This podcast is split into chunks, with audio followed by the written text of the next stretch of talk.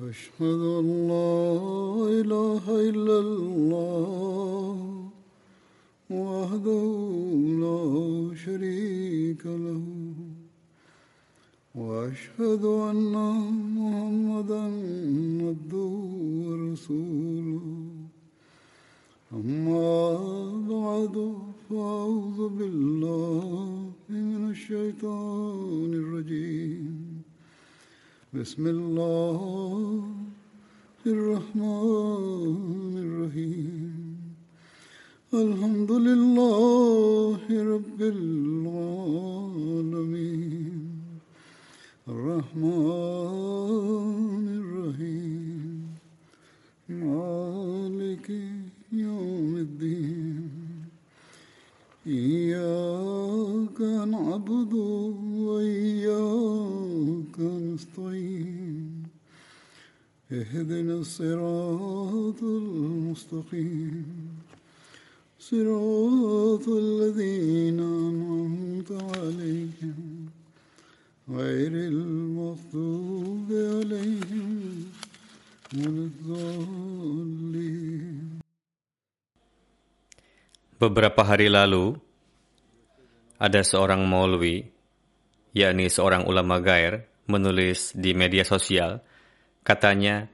yang menjadi penyebab kekisruhan dan perselisihan di mana pun di dunia ini adalah Kadiani, yakni Ahmadiyah. Bahkan, sang maulwi juga menuduh bahwa yang bertanggung jawab atas kekisruhan yang terjadi di Palestina pun adalah Kadiani. Kemudian, sebagaimana sudah menjadi ciri khas mereka. Maulwi tersebut mengatakan, untuk itu perlakukanlah para Ahmadi seperti ini, seperti itu, bunuhlah, aniayalah, seperti yang biasa mereka gembar-gemborkan. Demikianlah gaya dan ucapan mereka yang dikenal dengan A'immatul Kufur. Dan itu jugalah yang selalu mereka gembar-gemborkan dari semenjak jemaat Ahmadiyah lahir sampai saat ini. Namun beribu-ribu syukur kita panjatkan karena kita telah beriman kepada Masih dan Mahdi yang telah mengajarkan kepada kita untuk tetap bersabar dan berdoa ketika mendengar cacian kotor yang melukai hati dan tidak hanya itu, bahkan ketika melihat upaya makar mereka pun. Mereka adalah A'immatul Kufur, yakni para pemimpin kekufuran yang telah memprovokasi umat muslim yang tak berdosa dengan menuduhkan hal-hal keliru terhadap jemaat Ahmadiyah. Adapun masyarakat awam mungkin disebabkan kurangnya pengetahuan sehingga beranggapan bahwa memang benar para Ahmadi adalah penista Rasulullah. Nauzubillah. Mereka beranggapan bahwa apa yang dikatakan Maulwi adalah benar adanya.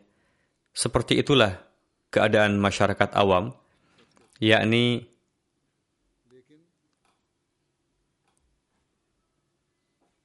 umat muslim pada umumnya. Namun, Maulwi yang berilmu dan meskipun pada kenyataannya berilmu, tetapi apa yang dikatakannya tidak memiliki pondasi yang kuat. Mereka hanya berusaha untuk menciptakan kekisruhan supaya mimbar mereka terjaga, supaya tidak ada yang menggeser posisi mereka. Allah Ta'ala lebih mengetahui perlakuan apa yang harus diberikan kepada mereka. Seperti yang telah saya katakan, tugas kita adalah berdoa. Seperti yang telah saya sampaikan pada khutbah Id, bahwa Hadrat Masih Maud salam bersabda, Doakanlah juga untuk musuh. Kita adalah pendoa selalu berdoa dan akan selalu berdoa. Penentangan ini bukanlah sesuatu yang baru, bahkan telah bermula sejak zaman Hadrat Masih Maud alaihissalam.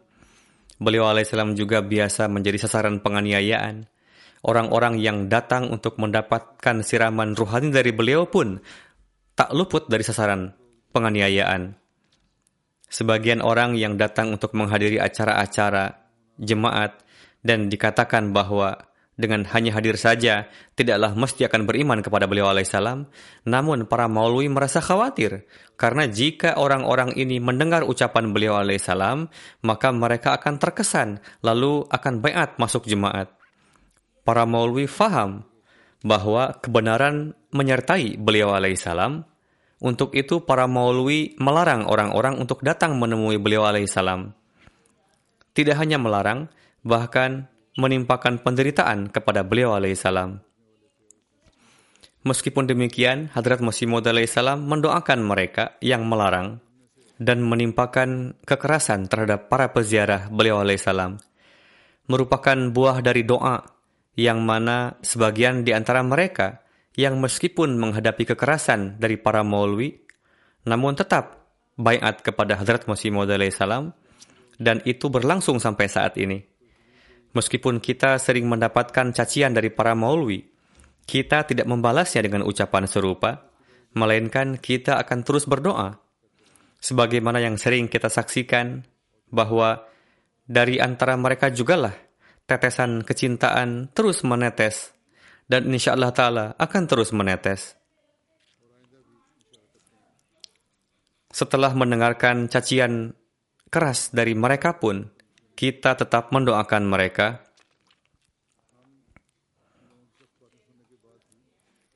Kita tetap bersimpati atas penderitaan mereka. Yang membuat kita bersikap demikian adalah ajaran yang diberikan oleh Hadrat Masih Maud salam. Ajaran beliau alaihissalam pun berdasar pada petunjuk Tuhan bahwa kezaliman yang mereka lakukan didasari oleh kecintaan mereka kepada Rasulullah Sallallahu Alaihi Wasallam. Terlepas apakah mereka menampilkan kecintaan itu dalam bentuk amalan ataukah tidak, namun yang pasti mereka mengklaim bahwa mereka mencintai Rasulullah. Untuk itu, janganlah mendoakan buruk bagi mereka. Berkenaan dengan ini, Hadrat Muslim Maud menceritakan satu kejadian, menuturkan bahwa ketika saya masih kecil, suatu hari Hadrat Masih Maud salam tengah kembali dari suatu acara di Lahore. Ketika melewati pasar, beberapa orang berdiri di atap rumah sambil melontarkan cacian kepada beliau. Mereka mengolok-olok dengan mengatakan, Mirza kabur, Mirza kabur. Hadrat Muslim Maud berkata, saya tidak faham Mungkin saja ketika beliau alaihissalam menyampaikan pidato, terjadi kekisruhan, sehingga ketika pulang terjadi insiden tersebut. Alhasil, saat itu saya juga melihat seorang tua yang buntung sebelah tangan dan masih berbalut ramuan obat yang masih segar. Nampaknya belum lama tangannya terpotong. Saya melihat orang tua itu memukulkan tangan yang utuh pada tangannya yang buntung sambil mengatakan, Mirza kabur, Mirza kabur. Saat itu saya merasa heran, karena saya masih kecil. Saya berpikir, mengapa orang-orang ini mengatai Huzur alaihissalam demikian? Apa yang terjadi? Saya tidak paham penyebabnya.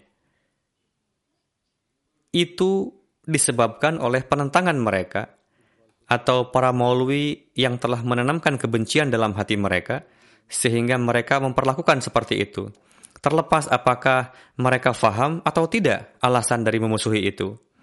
Beliau radhiyallahu anhu juga menceritakan satu kejadian lagi.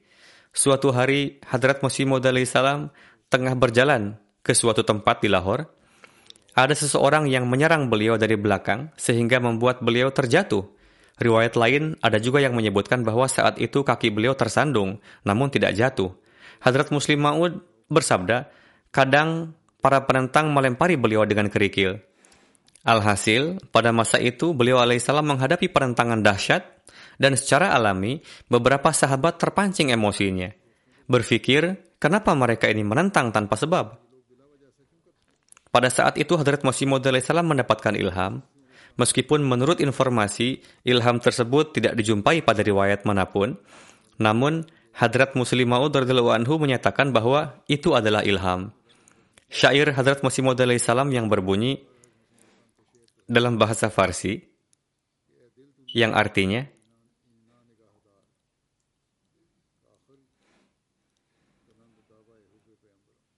Artinya, wahai utusan kami, orang Islam yang melontarkan cacian padamu ini, hargailah mereka.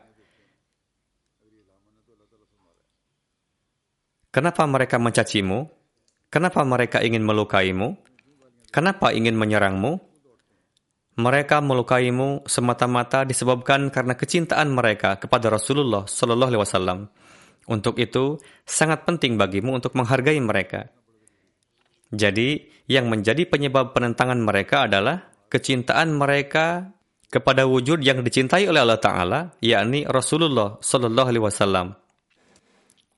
Untuk itu, disebabkan karena kesalahpahaman atau apa pun alasannya, hargailah mereka. Janganlah mendoakan buruk bagi mereka. Jadi, perlu dilihat apa yang melatar belakangi seseorang menentang kita?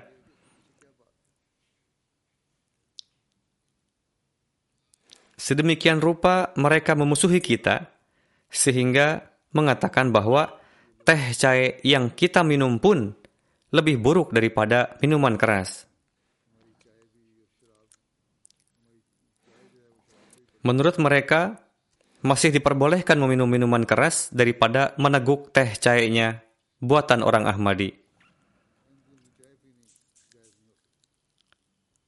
Hadrat Muslim Maud anhu bersabda, Jika seandainya mereka mengetahui bahwa di dalam diriku terdapat gejolak bara api kecintaan kepada Hadrat Muhammad Rasulullah Sallallahu Alaihi Wasallam, sedangkan di dalam diri mereka seperseratus ribunya pun tidak ada, maka seketika mereka akan tersungkur di kaki kalian, yakni para Ahmadi.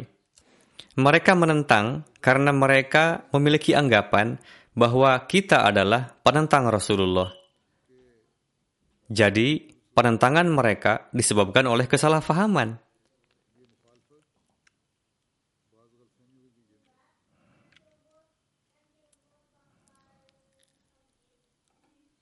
Setelah menyampaikan penjelasan yang rinci, beliau pun bersabda, jika orang-orang menentang dengan mencaci maki saya, atau pendiri jemaat Ahmadiyah, atau mencaci kalian, maka para Ahmadi harus ingat bahwa mereka adalah saudara kalian juga yang terperangkap dalam kesalahpahaman. Untuk itu, alih-alih marah, kalian harus mendoakan mereka dan fahamkanlah kepada mereka hakikat yang sebenarnya. Jika kalian berhasil memberikan pemahaman kepada mereka, mereka akan menyadari bahwa kita sebenarnya bukanlah penentang Muhammad Rasulullah Sallallahu Alaihi Wasallam, melainkan pecinta sejati beliau. Dengan begitu, orang yang tadinya ingin melukai kita akan sebaliknya menjadi rela untuk mati demi kita. Alhasil, kita seharusnya mendoakan para penentang seperti yang telah saya katakan bahwa itu jugalah yang diajarkan oleh Hadrat Masih Maud salam kepada kita, yakni doakanlah mereka. Dari antara mereka menetes tetesan kecintaan, dan dari antara mereka akan ada yang beriman. Hadrat Muslim Maud anhu menceritakan kejadian yang dialami oleh Hadrat Maulwi Abdul Karim anhu. Beliau menuturkan, Hadrat Maulwi Abdul Karim Sahib anhu bersabda, Suatu ketika saya tinggal di lantai atas kediaman Hadrat Masih Maud salam, sementara Hadrat Masih Maud salam berada pada lantai bawah. Suatu malam, terdengar suara rintihan tangis dari arah bawah, layaknya seorang wanita yang sedang kesakitan karena melahirkan. Saya merasa heran dan mendengarkan secara seksama suara tersebut. Ternyata itu adalah suara rintihan tangis Hadrat Masih Maud salam yang tengah memanjatkan doa. Beliau alaihissalam berdoa, Ya Tuhan, wabah tahun semakin merajalela dan membunuh banyak orang. Ya Tuhan, jika semua orang ini mati, maka siapa yang akan beriman kepada Engkau nantinya? Dalam riwayat lain dikisahkan bahwa Hadrat Maulwi Abdul Karim berada di bangunan sebelah dan terdengar suara rintihan tangis Hadrat Masih Maud salam yang tengah berdoa. Jika orang-orang ini mati, maka siapakah nanti akan beriman kepada Engkau, ya Tuhan? Coba perhatikan, penyakit taun adalah tanda yang telah dinubuatkan oleh Rasulullah SAW. Tanda kebenaran taun pun dapat kita ketahui dari nubuatan Hadrat Masih Maud salam.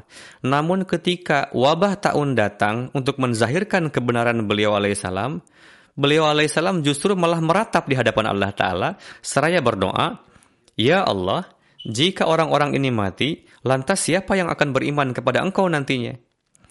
Jadi, seorang mukmin janganlah mendoakan buruk bagi masyarakat umum karena seorang mukmin ada untuk menyelamatkan mereka. Menyelamatkan orang-orang pada umumnya merupakan tugas orang mukmin. Jika seorang mukmin mendoakan buruk bagi mereka, lantas siapa lagi yang akan diselamatkannya? Karena jika doanya dikabulkan, semuanya akan mati. Ahmadiyah didirikan dengan tujuan untuk menyelamatkan Islam. Ahmadiyah didirikan dengan tujuan untuk menyelamatkan umat Islam, mengembalikan kemuliaan kepada manusia. Jadi, kita ditegakkan untuk menyampaikan manusia pada makom yang tinggi. Lantas, bagaimana mungkin kita mendoakan buruk bagi mereka? Hadrat Muslim Maud anhu bersabda, pada akhirnya, gairat Allah Ta'ala lebih besar daripada gairat kalian.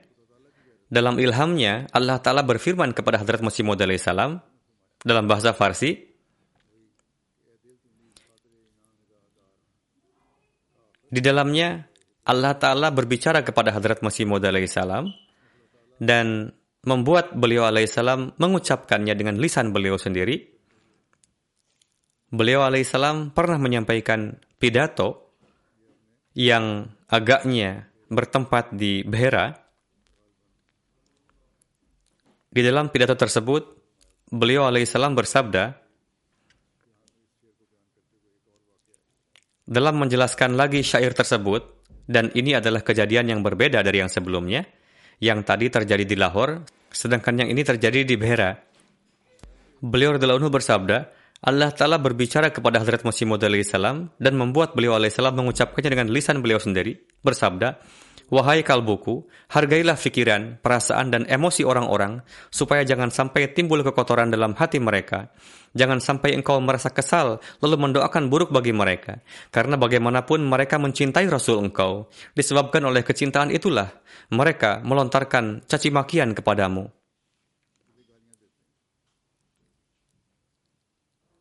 Inilah sebenarnya. Kita mengetahui bahwa di antara penentangan mereka, satu bagiannya merupakan penentangan yang tidak lazim. Namun, satu bagiannya lagi disebabkan karena masyarakat terperangkap dalam cengkeraman mereka, dan sebagian besar adalah disebabkan karena terperangkap dalam cengkeraman, baik di Pakistan maupun di negara-negara lain di dunia.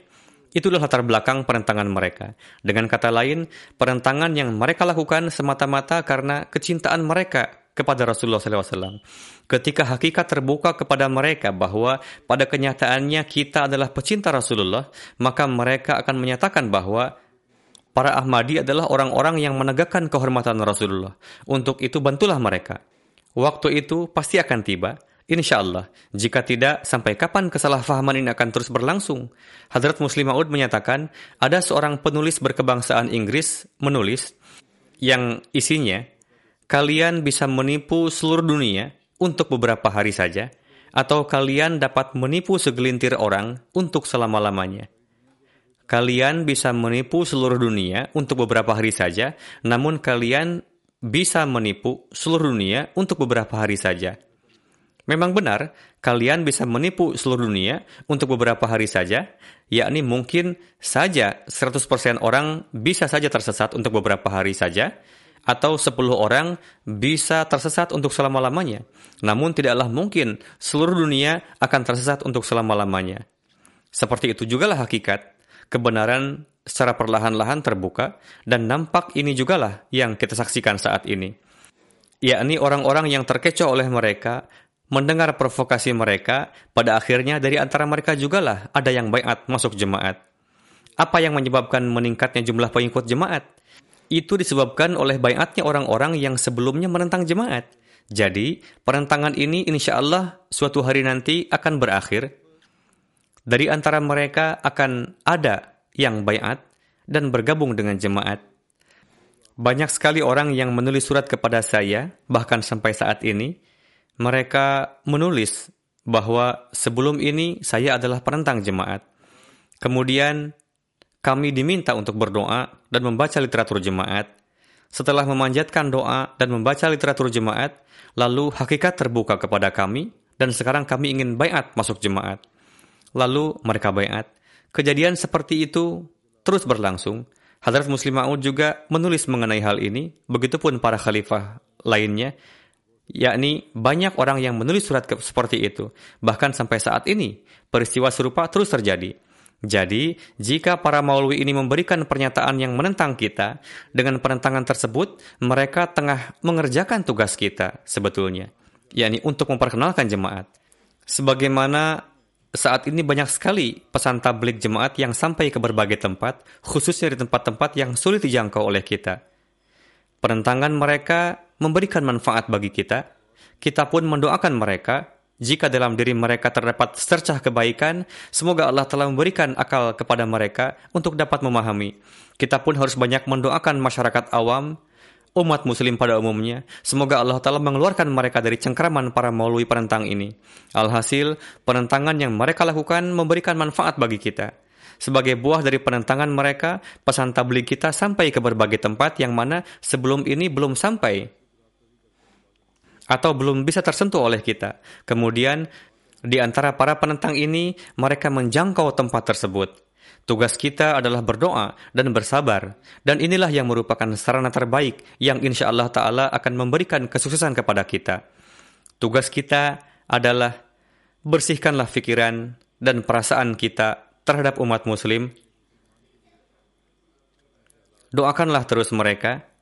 Semoga Allah Ta'ala segera membuka mata mereka, sehingga mereka dapat mengenal dan beriman kepada imam zaman.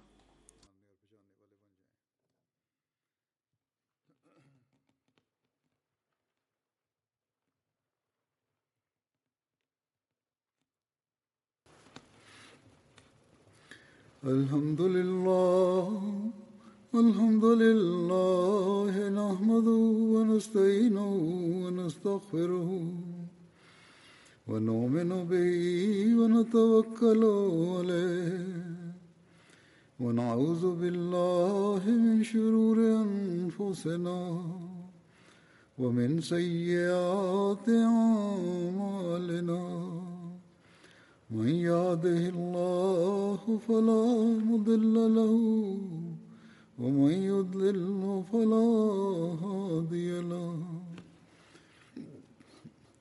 ونشهد أن لا إله إلا الله.